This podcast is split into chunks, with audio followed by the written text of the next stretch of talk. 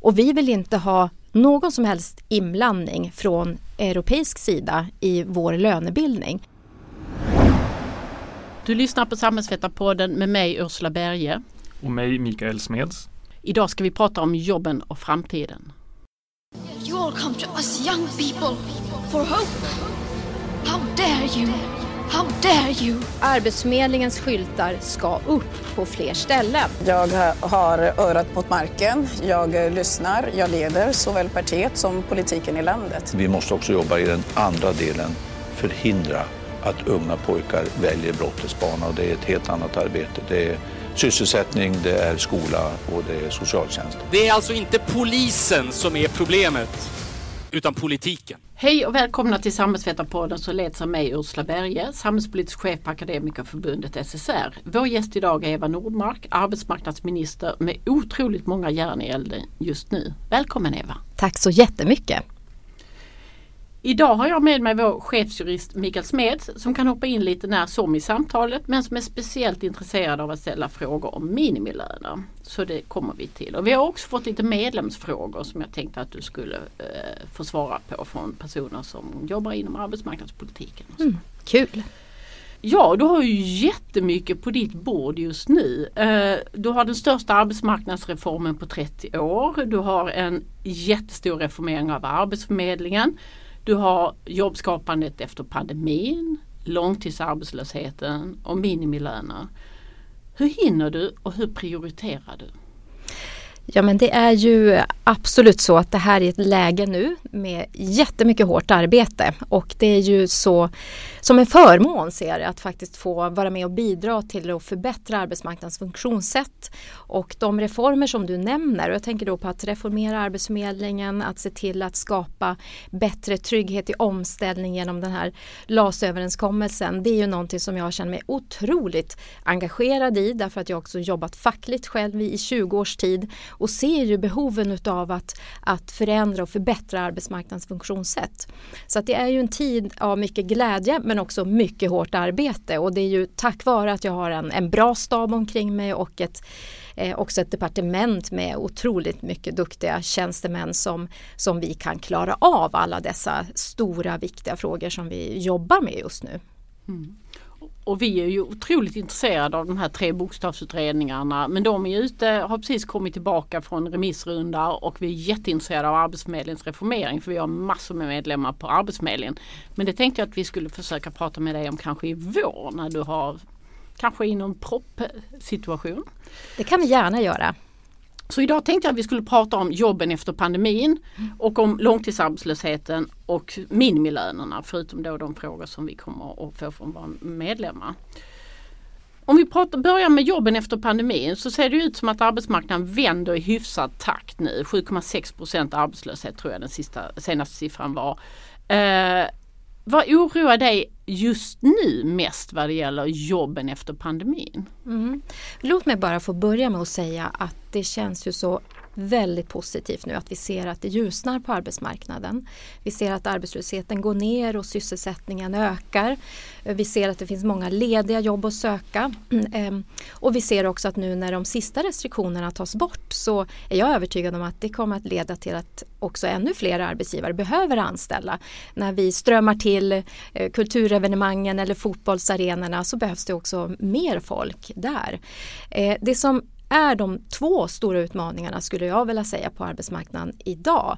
Det är ju långtidsarbetslösheten, att se till att den inte bryt, eh, biter sig fast. Vi måste pressa ner långtidsarbetslösheten. Och det andra är ju eh, bristen på rätt kompetens, alltså kompetensförsörjningen. För samtidigt som många är utan jobb så har vi också många arbetsgivare som behöver anställa. Och det är det där som vi måste säkra via politiken och tillsammans med andra aktörer att vi både då kan trycka ner långtidsarbetslösheten och se till att arbetsgivare kan få tag på rätt kompetens så att de kan utveckla sina verksamheter. Och eh, en sak är ju det här med eh, att, att väldigt många, eh, att matchningen inte riktigt funkar. Vi har en grupp arbetslösa och de passar inte precis alla de jobben som är lediga och som kommer fram nu hur tänker du dig att, att man ska kunna, för jag tänker att det är en ganska omfattande strukturomvandling som den här pandemin har skapat. Hur skapar vi en bättre matchning där? Vilka mm. är dina bästa verktyg för det? Ja, men, kanske det allra viktigaste verktyget det är utbildning. För det vi ser när det gäller de långtidsarbetslösa det är att många saknar eh, gymnasieutbildning. Man har inte den utbildning och erfarenhet som krävs. Och då är utbildning oerhört viktigt för de personerna att kunna komma närmare arbetsmarknaden. Och det är därför som vi också styr arbetsmarknadspolitiken och Arbetsförmedlingen att kunna anvisa till reguljär utbildning, att göra det lättare för arbetssökande att faktiskt kunna studera eh, samtidigt som man är arbetslös. Men utbildning är också viktigt för att se till att eh, fler löntagare som också befinner sig på arbetsmarknaden som har ett jobb eh, också eh, så att säga, tar ytterligare utbildningar eh, och förkovrar sig och kanske också väljer att byta bana mitt i yrkeslivet. För att det kommer vi behöva för att arbetsgivare ska kunna rekrytera de man behöver just nu. Och jag är ju själv norrbottning och från Luleå och ser ju vilka enorma investeringar som sker i den norra delen av vårt land. Det är en ny industrialisering som innebär att vi får tusentals nya jobb. Och någonstans så behöver vi ju se till att folk kan ta de jobben. Och då behöver vi via arbetsmarknadspolitiken och utbildningspolitiken se till att fler människor får möjlighet till de kunskaper som krävs just för att komma in i de här jobben. Och det är viktigt för hela Sverige, det är viktigt för att också visa omvärlden att klimat och jobb eh, är ingen motsats till varandra utan tack vare att vi också ställer om eh, till mer klimatsmart så skapar vi också fler nya och bättre gröna jobb. Men som sagt verktyg, det viktigaste verktyget det är ska jag säga utbildning i bred bemärkelse. Men sen har vi också andra verktyg som eh, arbetsmarknadsutbildningar, extratjänster, alltså olika typer av subventionerade anställningar, eh, fler pra praktikplatser behövs och så vidare. Så att för mig som arbetsmarknadsminister är det viktigt att vår viktiga myndighet Arbetsförmedlingen har en bred verktygslåda så att man kan använda olika insatser som passar de behov som både arbetslösa har men också som de behov som arbetsgivarna har. Och som akademikerförbund tänker vi mycket att reguljär utbildning, inte minst högskoleutbildning, skulle kunna vara eh, en bra sak. Men jag tänkte vi skulle börja i det som man kanske först tänker på som är arbetsmarknadsutbildning. Och den senaste siffran var att det var ungefär 7500 deltagare i arbetsmarknadsutbildning. När det under eh, 90-talskrisen kunde få upp de här volymerna till 70-80 000.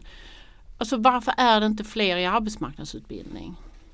Mm. Och vi satsar ju nu också på fler platser inom arbetsmarknadsutbildning. Det här är ett jättebra verktyg verkligen som utgår ifrån arbetsgivarnas behov eh, och som rustar människor att ta de lediga jobben. Men det vi inte hade på 90-talet som vi har idag det är att vi subventionerar ju yrkesvux, alltså inom reguljär eh, yrkesutbildning.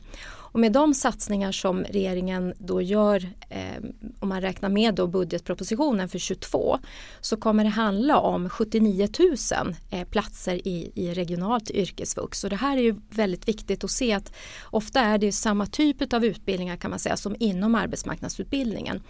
Och för mig är det viktigt att vi ser till att vi har mer utbildning i arbetsmarknadspolitiken och mer jobbfokus i det utbildningsutbud vi har. Och här jobbar ju jag och Anna Ekström väldigt nära varandra eh, för att just se hur vi tillsammans kan skapa de bästa förutsättningarna. Hur, hur eh, så att säga, hennes utbildningsportfölj bättre matchar de behov som, som finns på arbetsmarknaden och hur också arbetsmarknadsfokuset behöver genomsyra eh, de utbildningar som, som vi erbjuder helt enkelt.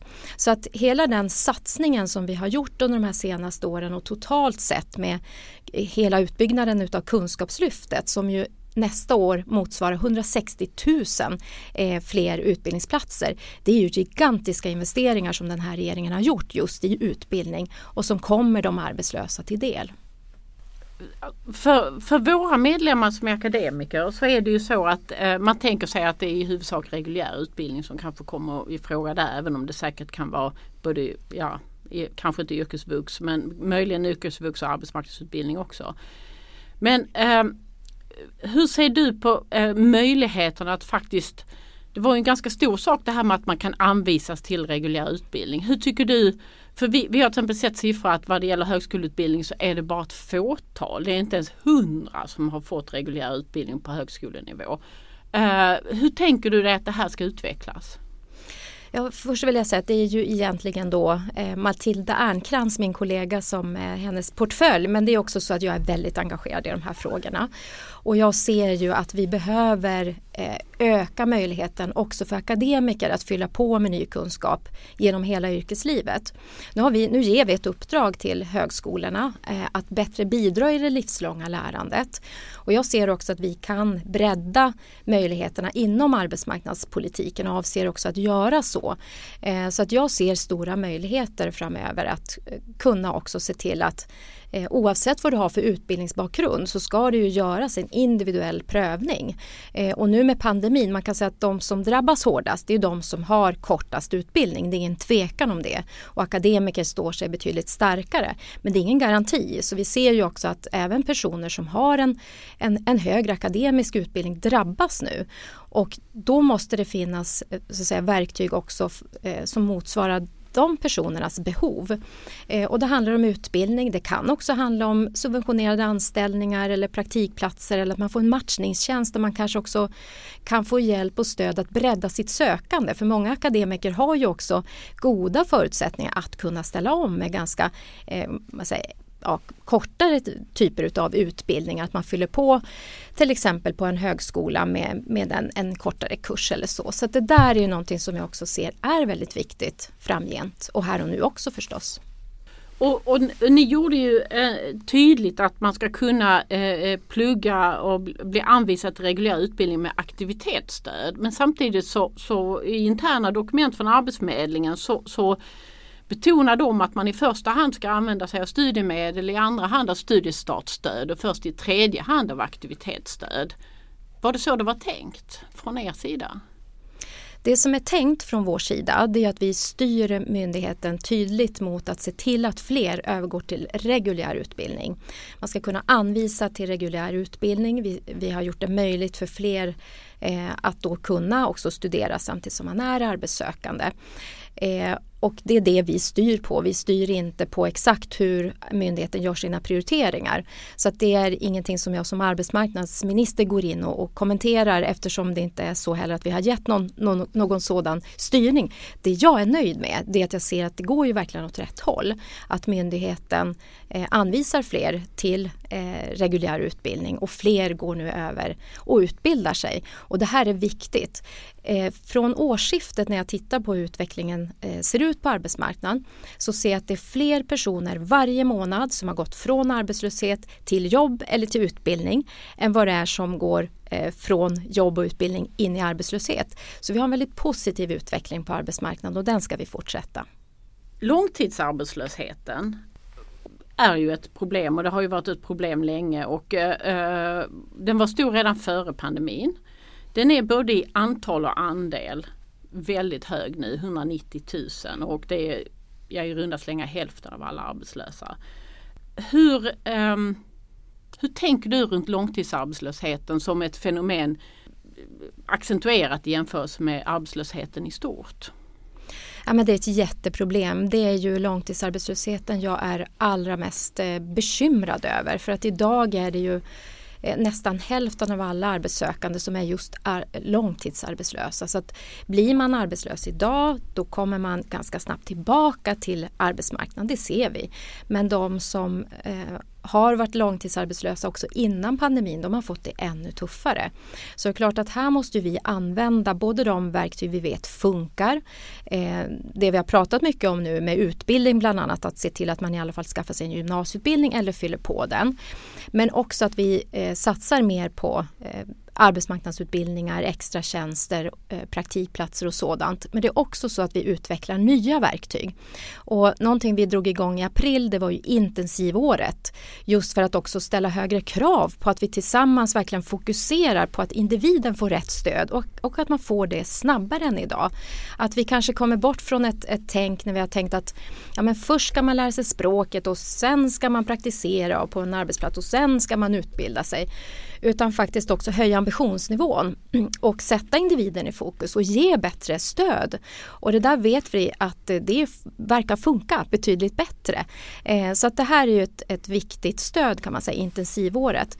Men vi, vi kommer också snart att få på plats eh, etableringsjobben som är enligt det som parterna har kommit överens om eh, ett helt nytt sätt att liksom, subventionera anställningar kan man säga som blir enklare och billigare för arbetsgivaren och som jag ser kommer vara väldigt viktigt för många långtidsarbetslösa att få en, en ny chans på arbetsmarknaden. Så sammantaget både utbildning, de insatser vi vet funkar men också nya eh, insatser och verktyg som vi utvecklar nu. Och det kom ju en pandemi emellan men jag tror att etableringsjobben eh, föreslogs av parterna 2017 eller något i den stilen. Varför tog det så lång tid? Ja, men det har tagit tid. Eh, Dels av skälet att det här är en helt ny eh, företeelse kan man säga på det sättet som, som det är tänkt att fungera. Eh, och det inbegriper statsstödsregler från EU-nivå och sådana saker som, som tar tid.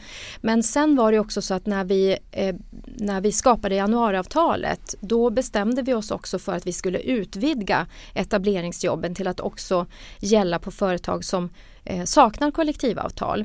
Eh, och dessutom fanns det med skrivningar kring Eh, Eh, vad heter det nu, eh, bemanningsföretag. Och eh, där, där, det har ju också varit ett arbete där vi har behövt titta på då, men hur skulle en utvidgning kunna se ut och där vi har förhandlat mellan januaripartierna.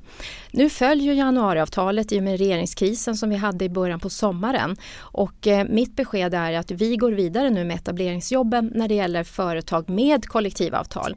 Det finns en möjlig lösning för dem utan kollektivavtal som man skulle kunna använda sig av längre fram. Men vi tycker från regeringens sida att det är naturligt att gå vidare med det som som parterna har varit överens om.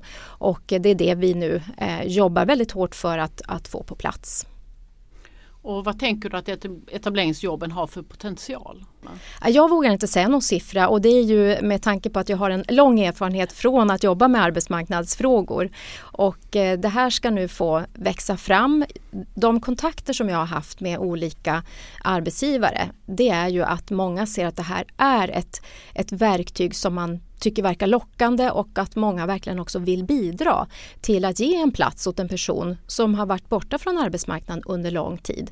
Och det är klart att alla kan inte göra allt men alla kan göra något och bara att öppna upp sin, sin arbetsplats för en eller två personer som har varit långtidsarbetslösa som får en ny chans. Det är också många som gärna vill bidra med det. Så jag ser ju fram emot att få detta på plats och att eh, se till att det här också kan, kan växa successivt.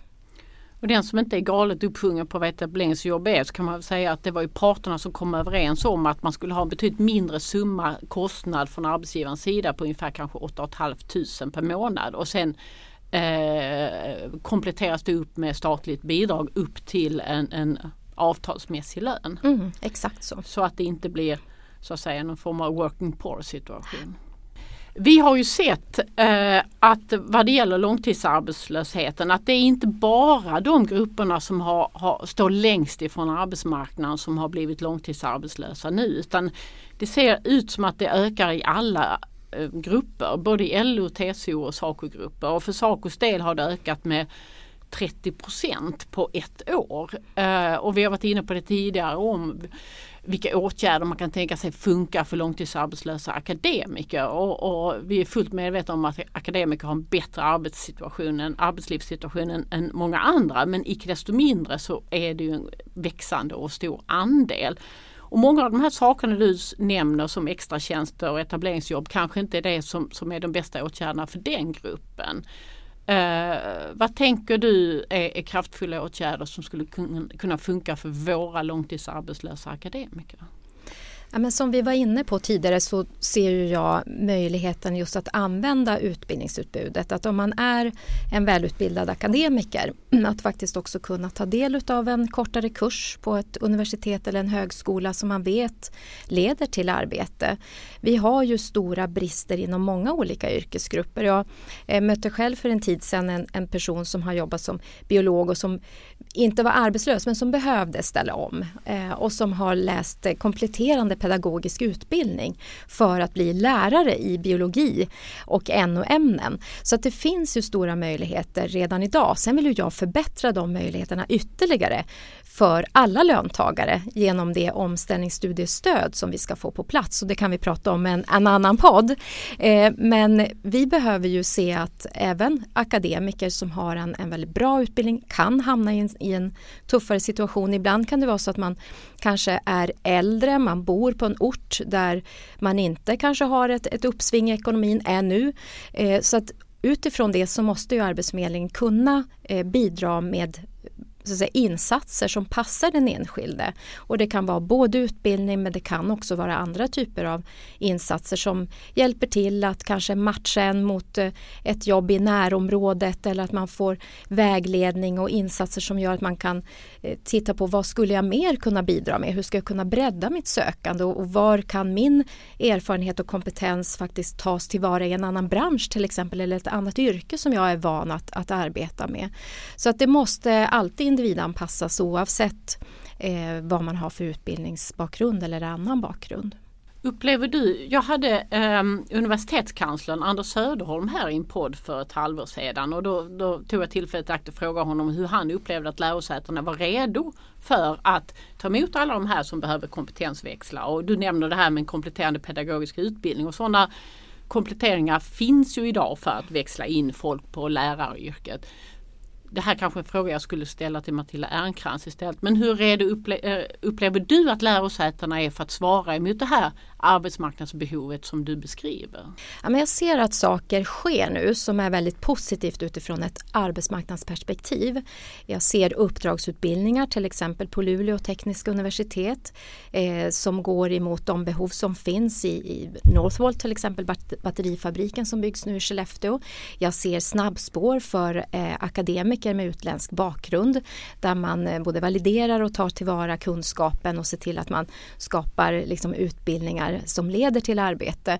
Så jag ser positiva exempel. Men jag ser också att utifrån eh, ett arbetsmarknads perspektiv så behöver mer göras så att vi verkligen säkerställer att den utbildning som, som ges på våra lärosäten eh, också motsvarar i högre utsträckning de behov som vi har i näringslivet. Och inte minst så är det viktigt nu när vi ska klara den här nyindustrialiseringen och en stor omställning av vårt samhälle att utbildningsutbudet hänger med i den utvecklingen jag hörde dig i lördagsintervjun för några dagar sedan. Eh, då pratade vi om det här med att förr skulle man ju flytta eh, söderut för att få jobb och nu pratade du mycket om att man får, måste kanske flytta norrut.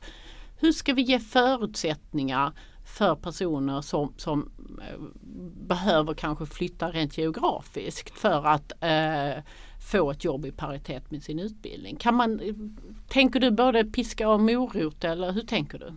Ja, men jag tänker både plikt och rätt faktiskt. Att det är klart att om jag har varit arbetslös under en längre tid så tycker jag också att det är fullt rimligt att säga till den personen att eh, det är nog bra att se sig om efter var jobben finns och också vara beredd att flytta på sig. Sen är inte det enkelt. Jag menar, vi har alla ett liv och vi har, man har eh, barn och familj och sådana där saker. Men det vi har gjort från regeringens sida så här långt är att vi bland annat har utsett en samordnare, Peter Larsson, som nu tittar på hur kan vi samordna de här viktiga investeringarna som sker i norr? Och vad behövs för att se till att få folk att komma till, till norr också och, och arbeta där. Och det är klart att det här är ju ingen quick fix eh, utan vi är ju många statsråd som behöver ta ett stort ansvar. Eh, min kollega Thomas Eneroth som är infrastrukturminister han berättade nyligen att eh, vi påskyndar eh, planerna för bland annat Norrbotniabanan, alltså infrastrukturinvesteringar som behöver ske i norr. Eh, det behövs byggas bostäder. Eh, vi behöver se till att utveckla välfärden. Det kommer ju också behövas fler lärare och eh, äldreomsorgspersonal och så när en kommun som Skellefteå till exempel växer.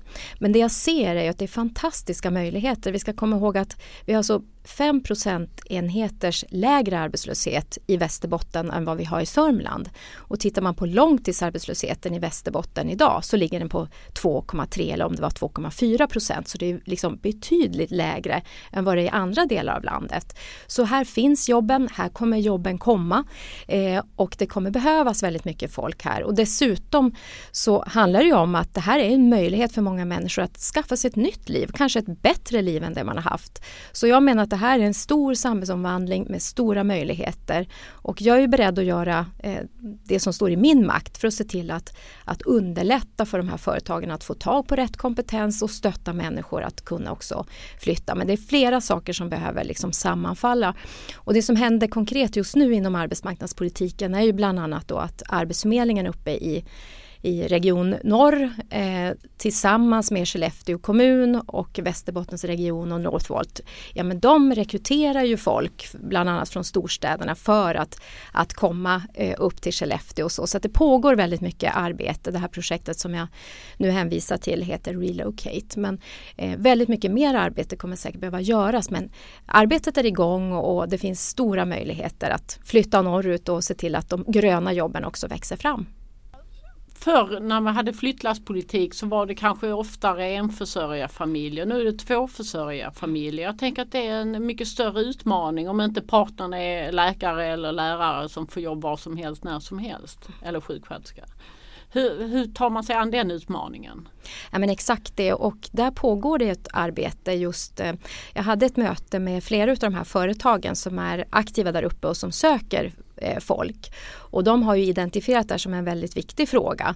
Att det handlar ju också om att få upp eh, partnern eh, och kanske barn ibland och så. Så att eh, det, rekryteringsarbetet eh, utgår ifrån att det är ofta familjer, hela familjer som behöver flytta på sig. Mm, tänker du flyttbidrag och sådana saker som ett eh, stöd för att komma Ja men vidare? det är en, en, fråga som jag får ofta. Jag har sagt att jag, jag, jag utesluter inte det. Vi har haft det tidigare. Eh, men det krävs nog flera olika åtgärder för att se till att folk kan, kan och vill flytta uppåt. Jag hörde att det fanns något för som heter gardintillägg. Ja. Otroligt speciella saker man kunde få för att flytta på sig. Men eh, min bild är, nu har ju inte jag jobbat på Arbetsförmedlingen, men min bild är att, att Arbetsförmedlaren inte anvisar till arbeten på samma sätt som man gjorde förut utan att man aktivitetsrapportera vilka jobb man har sökt och, och att man inte som arbetsförmedlare på samma sätt pekar på det här jobbet passar din utbildning eller din kompetens, det borde du ta. Finns det någonting i, i arbetssättet på Arbetsförmedlingen som behöver eh, förändras för att svara emot det här geografiska flytten som kanske behöver komma till. Men det, är ju, det är ju ett väldigt viktigt uppdrag för Arbetsförmedlingen att se till att underlätta för arbetsgivare att hitta den kompetens de behöver och sammanföra eh, arbetssökande med arbetsgivare helt enkelt. Och för mig som arbetsmarknadsminister så handlar ju det om att säkerställa att vi har en myndighet som har de bästa förutsättningarna både resursmässigt och personellt och att vi säkrar att det också finns en likvärdig service över hela landet. Och eh, här finns det mer att göra och det är också därför som vi nu för nästa år föreslår över 500 eh, miljoner eh, kronor till myndigheten just för att kunna säkra den här lokala närvaron och att inte behöva börja skära i, på personalen helt enkelt på myndigheten. Eh, så att förutsättningarna ska ju vara goda och eh, in, så att säga, det som är uppdraget till myndigheten det är ju att sammanföra arbetslösa med eh, arbetsgivare. Och det måste funka nationellt, det måste funka ända ut lokalt. Jag pratade med en arbetsförmedlare som sa så här, jo men ska man lyckas få en hel familj att flytta, det, det krävs ganska mycket personkontakt och ganska, det, det, räcker inte med digital kundtjänst, digitala Nej. möten och, utan det, det, krävs lite allmän handpåläggning. Och eh, känner du att de resurserna och förutsättningarna finns i den allt mer digitaliserade arbetsförmedlingen? Jag tycker det är bra att vi digitaliserar. Eh, många tjänster kan ju ske digitalt. Om jag tittar på de arbetslösa som har kommit under de här, det senaste året eller under pandemin så är det så att för många så har det ju räckt med de digitala stöden och digitala tjänsterna. Men det räcker inte för alla och då måste man kunna träffa en arbetsförmedlare. Eh, och faktiskt göra det inom ett rimligt reseavstånd. Och det är någonting som vi också från regeringen har varit väldigt tydlig med Arbetsförmedlingens ledning och, och liksom myndigheten kring. Eh, så det uppdraget ligger där hos myndigheten och jag ska snart få det återrapporterat till mig också hur det går med den lokala närvaron att säkra att människor oavsett var man bor i detta avlånga land faktiskt ska kunna träffa någon om man har ett behov av det. Men det ska också finnas tydliga kontaktvägar in i myndigheten eh, också för de lokala arbetsgivarna eller för kommunerna som också är en väldigt viktig aktör. Så att här har vi ett, ett arbete nu som, eh, som pågår och där vi behöver säkra att myndigheten också finns lokalt närvarande i hela vårt avlånga land. Nu tänkte jag att vi skulle prata om en fråga som är jätteviktig utifrån partsmodellen och hur Sverige som arbetsmarknad fungerar, det vill säga minimilöner. Varsågod Mikael. Tack så mycket. Ja, det är ju lätt att missa att, att eh, väldigt många eh, normer och regler och lagstiftningsinitiativ initieras eh, från EU-apparaten. Så jag tänkte passa på nu när du är här att, att ställa några frågor om, om några av de här direktivförslagen som, som eh, har eh, lanserats och som, som eh, kan få viss betydelse för svensk arbetsmarknad. Men jag tänkte börja lite kronologiskt från, från, från början så att säga då och, och eh, under EU-toppmötet i Göteborg 2017 så lanserades ju EUs så kallade sociala pelare. Ambitionen från den svenska regeringens sida var ju att utveckla just EUs sociala dimensioner här. Bland annat frågor om jämställdhet, social inkludering, rättvisa arbetsvillkor i en mer generell bemärkelse. Eh, hur ser du på EUs sociala pelare nu? Men först och främst så, jag var med på det här toppmötet i Göteborg och jag var där som facklig ledare och eh, vi hade över hundra deltagare från Europafacket på plats i Göteborg så att vi hade också möjlighet att prata mycket om den svenska partsmodellen och liksom hur det funkar med lönebildning och samverkan och annat. Eh, jag ser att den sociala pelaren är väldigt viktig som styrinstrument för vad vi vill åstadkomma. Vi behöver ha ett mer socialt Europa med bättre villkor för löntagarna eh, som främjar jämställdhet. Eh, så att för mig är ju den sociala pelaren viktig som en politisk kompass kan man säga för, för vad som medlemsländerna behöver åstadkomma. Så det är en viktig liksom, utgångspunkt för min del när vi pratar om den sociala pelaren. Sedan toppmötet då i Göteborg så har ju EU-kommissionen initierat flera, flera lagstiftningsförslag, bland annat då ett uppmärksammat direktiv om minimilöner och även ett annat om insyn i lönesättning, gender pay brukar man också kalla det. Gender pay-direktivet. Och de här direktiven handlar ju om att förverkliga några av de här målsättningarna som, som, som ryms inom ramen för den, för den sociala eh, pelaren. Vilket ju är eh, då bland annat de här eh, målsättningarna som jag tog upp tidigare omkring just jämställdhet och, och eh, rättvisa arbetsvillkor. Men å andra sidan så finns det då en risk att genom de här förslagen så, så rubbas den svenska arbetsmarknadsmodellen, kollektivavtalsmodellen. Eh, det svenska lönebildningssystemet kan då utsättas för en utmaning eller hur man ska uttrycka det även arbetsmarknadsparternas autonomi, det vill säga deras möjlighet att själva gemensamt utforma kollektivavtalen eh, riskerar att utmanas genom de här direktiven och så. Och så hur ser du på de här direktiven och den, och den balansgång som ändå finns här mellan två stycken, ja det är en målkonflikt kan man väl säga. Men jag, jag, tänker när jag hör dig så tänker jag att eh, du låter ju ungefär som mig när jag träffar kommissionen eller när jag träffar andra länders arbetsmarknadsministrar. För det här direktivet om minimilön, det är inget som vi har velat ha. Utan vi vill ju att den sociala pelaren och det som är ambitionerna med att löntagare ska få bättre villkor, ja men det ska ju uppnås via medlemsstaterna själva, via att eh, parterna på arbetsmarknaden, fack och arbetsgivare själva tar ansvar för att utveckla sina kollektivavtal. Och det ser ju olika ut i olika länder. Men för oss handlar det om att säkra respekten för partsautonomin, respekten för olika nationella arbetsmarknadsmodeller. Och vi vill inte ha någon som helst inblandning från europeisk sida i vår lönebildning. Så det här är ju en fråga som jag jobbar med otroligt mycket. Eh, så sent som förra veckan så hade jag Österrikes arbetsmarknadsminister på, på besök eh, i Stockholm. Eh, jag har tillsammans med min kollega Peter Hummelgard som är den danska arbetsmarknadsministern, vi jobbar väldigt nära varandra. Vi, gör liksom, vi tar alla steg tillsammans kan man säga. Vi har också skapat en, en grupp av like-minded länder så att vi förbereder oss inför eh, EUs arbetsmarknadsministrars möten.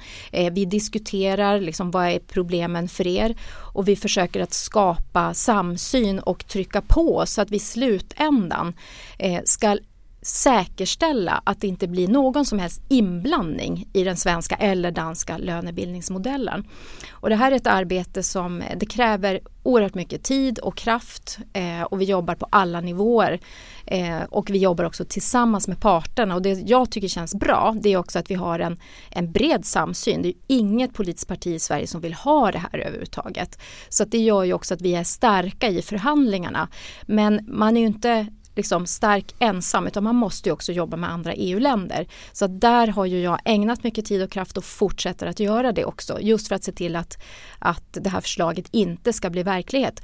Jag vill också bara lägga till en sak och det är att eh, när vi ser nu hur Europaparlamentet agerar i den här frågan så vill ju de förstärka kommissionens förslag ytterligare och av det skälet så blir det ännu viktigare att rådet, det vill säga medlemsstaterna, eh, verkligen kan gå in i förhandlingarna sen i med kommissionen och parlamentet med en, en text som respekterar eh, liksom de olika ländernas olika modeller, respektera partsautonomin, inte innebär något hot mot våran lönebildningsmodell. Så till exempel det här med individuella rättigheter, det är ju sånt som vi jobbar stenhårt på att få bort från alla texter och tydliggöra att det här kan inte bli tal om därför att det här ska vara ett ramverk för främjande av, av minimilöner och det ska inte så att säga träffa den svenska lönebildningsmodellen.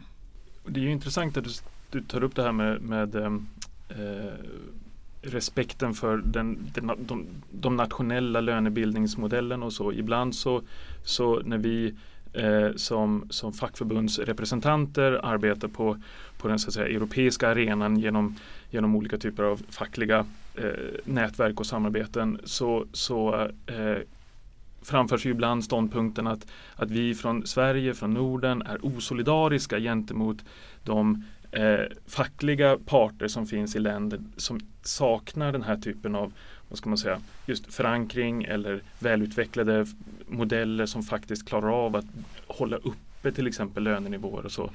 Eh, är, det, är det så du för fram den, den ståndpunkten också? Jag tänker just mot det här vad ska man säga, argumentet om att Sverige skulle vara osolidariskt. Handlar det då enbart om att den här typen av initiativ ska respektera de nationella traditionerna? Är det så det Nej men man kan säga ja det är det ju och sen är det ju kan man säga ett ganska enkelt argument. Det är ju att eh, så här, don't fix it if it's not broken. Alltså vi har ju en lönebildningsmodell som fungerar väl eh, både i Sverige och i Danmark. Vi är kanske de lönebildningsmodeller som har allra bäst resultat. Och, eh, man tittar på förra året, mitt under brinnande pandemi, vi hade inte en enda konfliktdag på svensk arbetsmarknad och det där tycker jag det är ett styrkebesked för den svenska partsmodellen. Och det där vet kommissionen om, det där vet eh, de andra länderna om att vi har en väl fungerande lönebildningsmodell.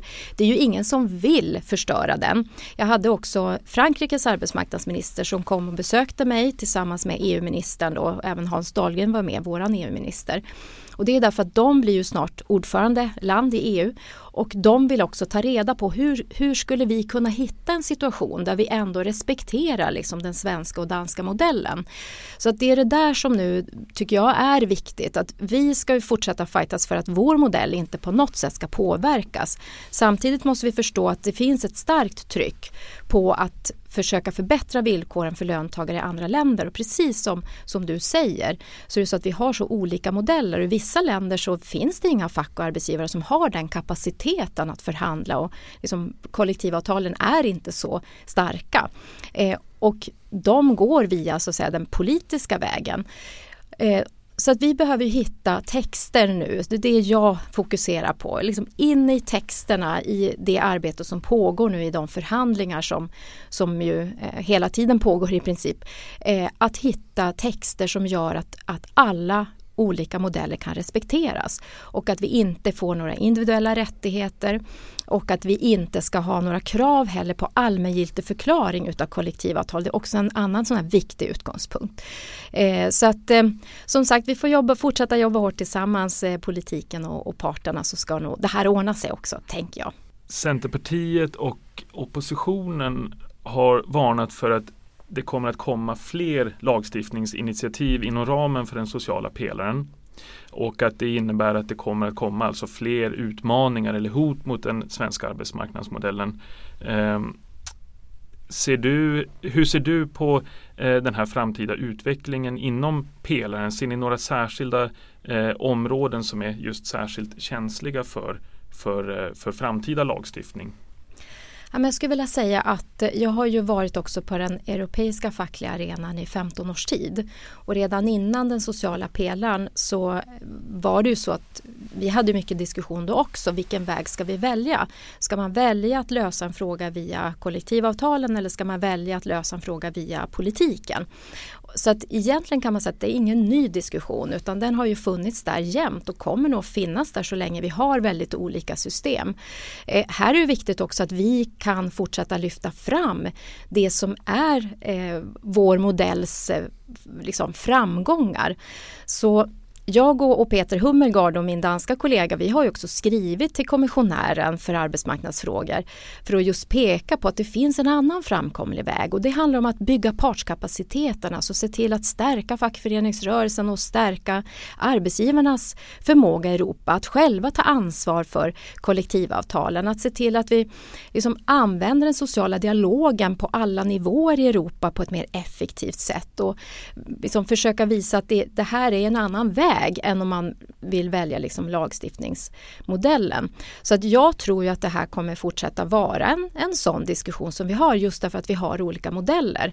Eh, och jag kan också konstatera att vi, det finns ju vissa befogenheter för EU när det gäller det sociala området. Men just när det gäller löner så är det ju så att detta är en nationell angelägenhet och i Sverige är det bara en angelägenhet för parterna och det kommer vi hålla fast vid oavsett vilken diskussion eh, som vi får framöver. Det var det om minimilöner. Jag tänkte eh, ställa några medlemsfrågor. Vi har, eh, häromdagen hade du en presskonferens och presenterade ett, eh, ett arbete som ska inledas vad det gäller att bekämpa arbetslivskriminalitet som ska ledas av Ola Pettersson, tidigare LOs chefsekonom. Otroligt viktigt och då har vi en medlem som, som jobbar på Arbetsförmedlingen som upplever att en av de absolut mest använda arbetsmarknadsåtgärderna, nystartsjobben, har problem kopplat till sig. Att eh, arbetsgivare letar efter de som har de största, högsta stöden och att det finns arbetsgivare som kräver att de som som anställs med nystartsjobb ska betala tillbaka cash till arbetsgivaren för att få jobbet. Och en del är det otroligt viktigt att få anställningar. Eh, vad tänker du runt nystartsjobben kopplat till det här? Ja, men jag blir ju väldigt upprörd när man hör sådana berättelser att man skulle betala tillbaka lön till arbetsgivaren och så. Det är ju liksom ja, det är väldigt upprörande. Och eh, som du nämner, vi tillsätter nu en en delegation mot arbetslivskriminalitet. Men vi gör också fler saker. Vi har eh, dragit igång en utredning kring samrådet som ju är viktigt när det gäller arbetsmarknadspolitiska insatser. Och för nästa år så förstärker vi också Arbetsförmedlingens budget med 45 miljoner just när det gäller att öka kontrollerna. För vi ska inte ha skumraskföretag, vi ska liksom inte ha fusk i arbetsmarknadspolitiken. Så det här är ju oerhört viktigt att, att stävja och komma, ja, komma till rätta med helt enkelt. Och det fixar Ola? Ja, vi kommer, ju, vi kommer behöva göra flera olika saker. Vi har ju, vi har ju utökat kontrollerna, eh, det som våra myndigheter gemensamt jobbar med. Det är åtta myndigheter som fick ett uppdrag från regeringen för ett par år sedan att utveckla myndighetsgemensamma kontroller. Jag har själv varit ut på på sådana eh, kontroller som då är oanmälda. Eh, och vi hittar ju väldigt mycket skit helt enkelt på, på arbetsmarknaden ska man ärligt säga. Och man tittar på de 4 000 kontrollerna som har genomförts de senaste åren så är det så att hälften av, av de här besöken som görs där får man krav på någon typ av åtgärd. I 10% av fallen så är det så pass allvarliga brister och ren kriminalitet som man upptäcker så att man stänger alltså hela eller delar utav verksamheten. Och därför så Eh, ser vi också till att Arbetsmiljöverket får ännu mer resurser för nästa år. Vi vill se till att kontrollerna ökar. Eh, vi har gett polisen större befogenheter att kontrollera arbetsplatser där vi vet att problem med illegal arbetskraft till exempel är stor. Vi har in, eh, infört ett nytt brott i brottsbalken eh, om människoexploatering. Eh, så att vi gör flera olika saker och jag har också gett ett uppdrag till våra myndigheter att komma tillbaka med hur ska en varaktig samverkan se ut. Det här ska inte nu bara vara så att säga, projektform utan nu ska vi jobba varaktigt med detta. Och på det så har vi den här delegationen som nu ska sätta tänderna i och titta på bland annat internationella exempel. Jag vet att Norge jobbar framgångsrikt med regionala A-krimcenter till exempel och titta på vad kan vi lära av andra, hur kan vi stärka varandra, alla de som jobbar mot olika typer av arbetslivskriminalitet, både myndigheter, parter, och olika branschorganisationer. Så att mer behöver göras och vi ska ha ordning och reda på svensk arbetsmarknad. Låter bra. Eh, vi, har en medlem som är samhällsvetare och utländsk akademiker och som skulle vilja ha jobb inom socialt arbete och blir lite beklämd över att det är så svårt att eh, eh, hoppa mellan eller göra de här karriärväxlingarna. Och hon, hon letar efter utbildningar där hon ska kunna komplettera i socialt arbete till exempel för att kunna jobba inom, inom som social socionom eller socialpedagog. Och hon undrar varför det är så lite flexibilitet i Sverige i att få chansen att komplettera sin utbildning. Är vi på väg till någonting annat? Ja, jag tycker att vi måste öka den här flexibiliteten och vi måste se till att utbildningarna blir mer anpassade utifrån arbetslivets behov och löntagarnas behov. Jag är rätt säker på att när vi får på plats det här nya omställningsstudiestödet eh, och när fler löntagare kommer att vilja eh, och kunna också utbilda sig genom hela yrkeslivet då tror jag också att vi kommer få en push i att utbildningsutbudet kommer att börja anpassa sig lite snabbare. Så jag tror väldigt mycket på, på det. Och eh, för medlemmen här så tycker jag att man fortsätta leta liksom utifrån vilka utbildningar som finns. För idag finns det också stora möjligheter att läsa på distans och kunna läsa lite mer flexibelt. Så jag hoppas att det, att det löser sig. För det är klart att all den här lusten och viljan att förkovra sig och byta bana det är något som är jättepositivt. Både för individen och för, för hela arbetsmarknaden och samhället. Mm. Och den sista frågan jag tänkte ta det är en medlem som, som upplever att eh, vi jobbar väldigt mycket i det här landet med att det ska vara en kunskapsnation och vi ska bygga på, på kunskap och inte på låga löner och så vidare. Och hon upplever att den här strukturomvandlingen ställer väldigt höga krav på människor och att det finns människor som inte klarar de här kraven som kan ha kognitiva problem, som kan ha en låg utbildningsbakgrund och, och yrkesbakgrund och så vidare. Och, och, hon frågar så här, vad har du som arbetsmarknadsminister för tankar kring de här grupperna som befinner sig i, i gränslandet mellan socialförsäkringssystemet och arbetsmarknaden? Ja, men jag har många tankar kring det därför att jag ser också att vi under ett par år faktiskt har haft en situation där personer som egentligen eh, borde ha fått rehabilitering och funnits inom sjukförsäkringen har hamnat hos Arbetsförmedlingen och egentligen varit för sjuka kanske för att kunna ta ett arbete men ah, Försäkringskassan har tyckt att de har varit för friska för att vara hos dem. Så att det här är ju, det, det, finns mycket att säga om det här och här styr vi ju om det nu från regeringens sida och inte minst min kollega Ardalan Shekarabi jobbar ju jättehårt på att se till att vi ska ha en anständig sjukförsäkring som ger människor liksom rättigheter och, och, och stöd. Eh, det jag ser när det gäller arbetsmarknadspolitiken det är just att vi behöver ha subventionerade anställningar. Vi behöver också kunna ha eh, stöd för de som är på väg in på arbetsmarknaden som kanske inte direkt kan gå i en utbildning eller direkt kan gå till ett jobb. Så nästa år så förstärker vi till exempel den här tjänsten vi har som kallas INAB, introduktion till arbete. Och det är många som har till exempel en funktionsnedsättning som medför nedsatt arbetsförmåga som kan få stöd ut, eh, via den här tjänsten. Då. Så att vi behöver ha återigen många verktyg för att ge människor rätt stöd och se till att människor får rätt förutsättningar att kunna bidra och både försörja sig själva och med den gemenskap och frihet som ett arbete ger. Men, men också det är så vi bygger ett starkare och bättre samhälle.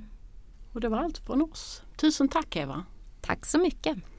Det var allt från Samhällsvetarpodden som kommer ut varannan vecka och görs av Akademikerförbundet SSR, Sveriges ledande samhällsvetarförbund.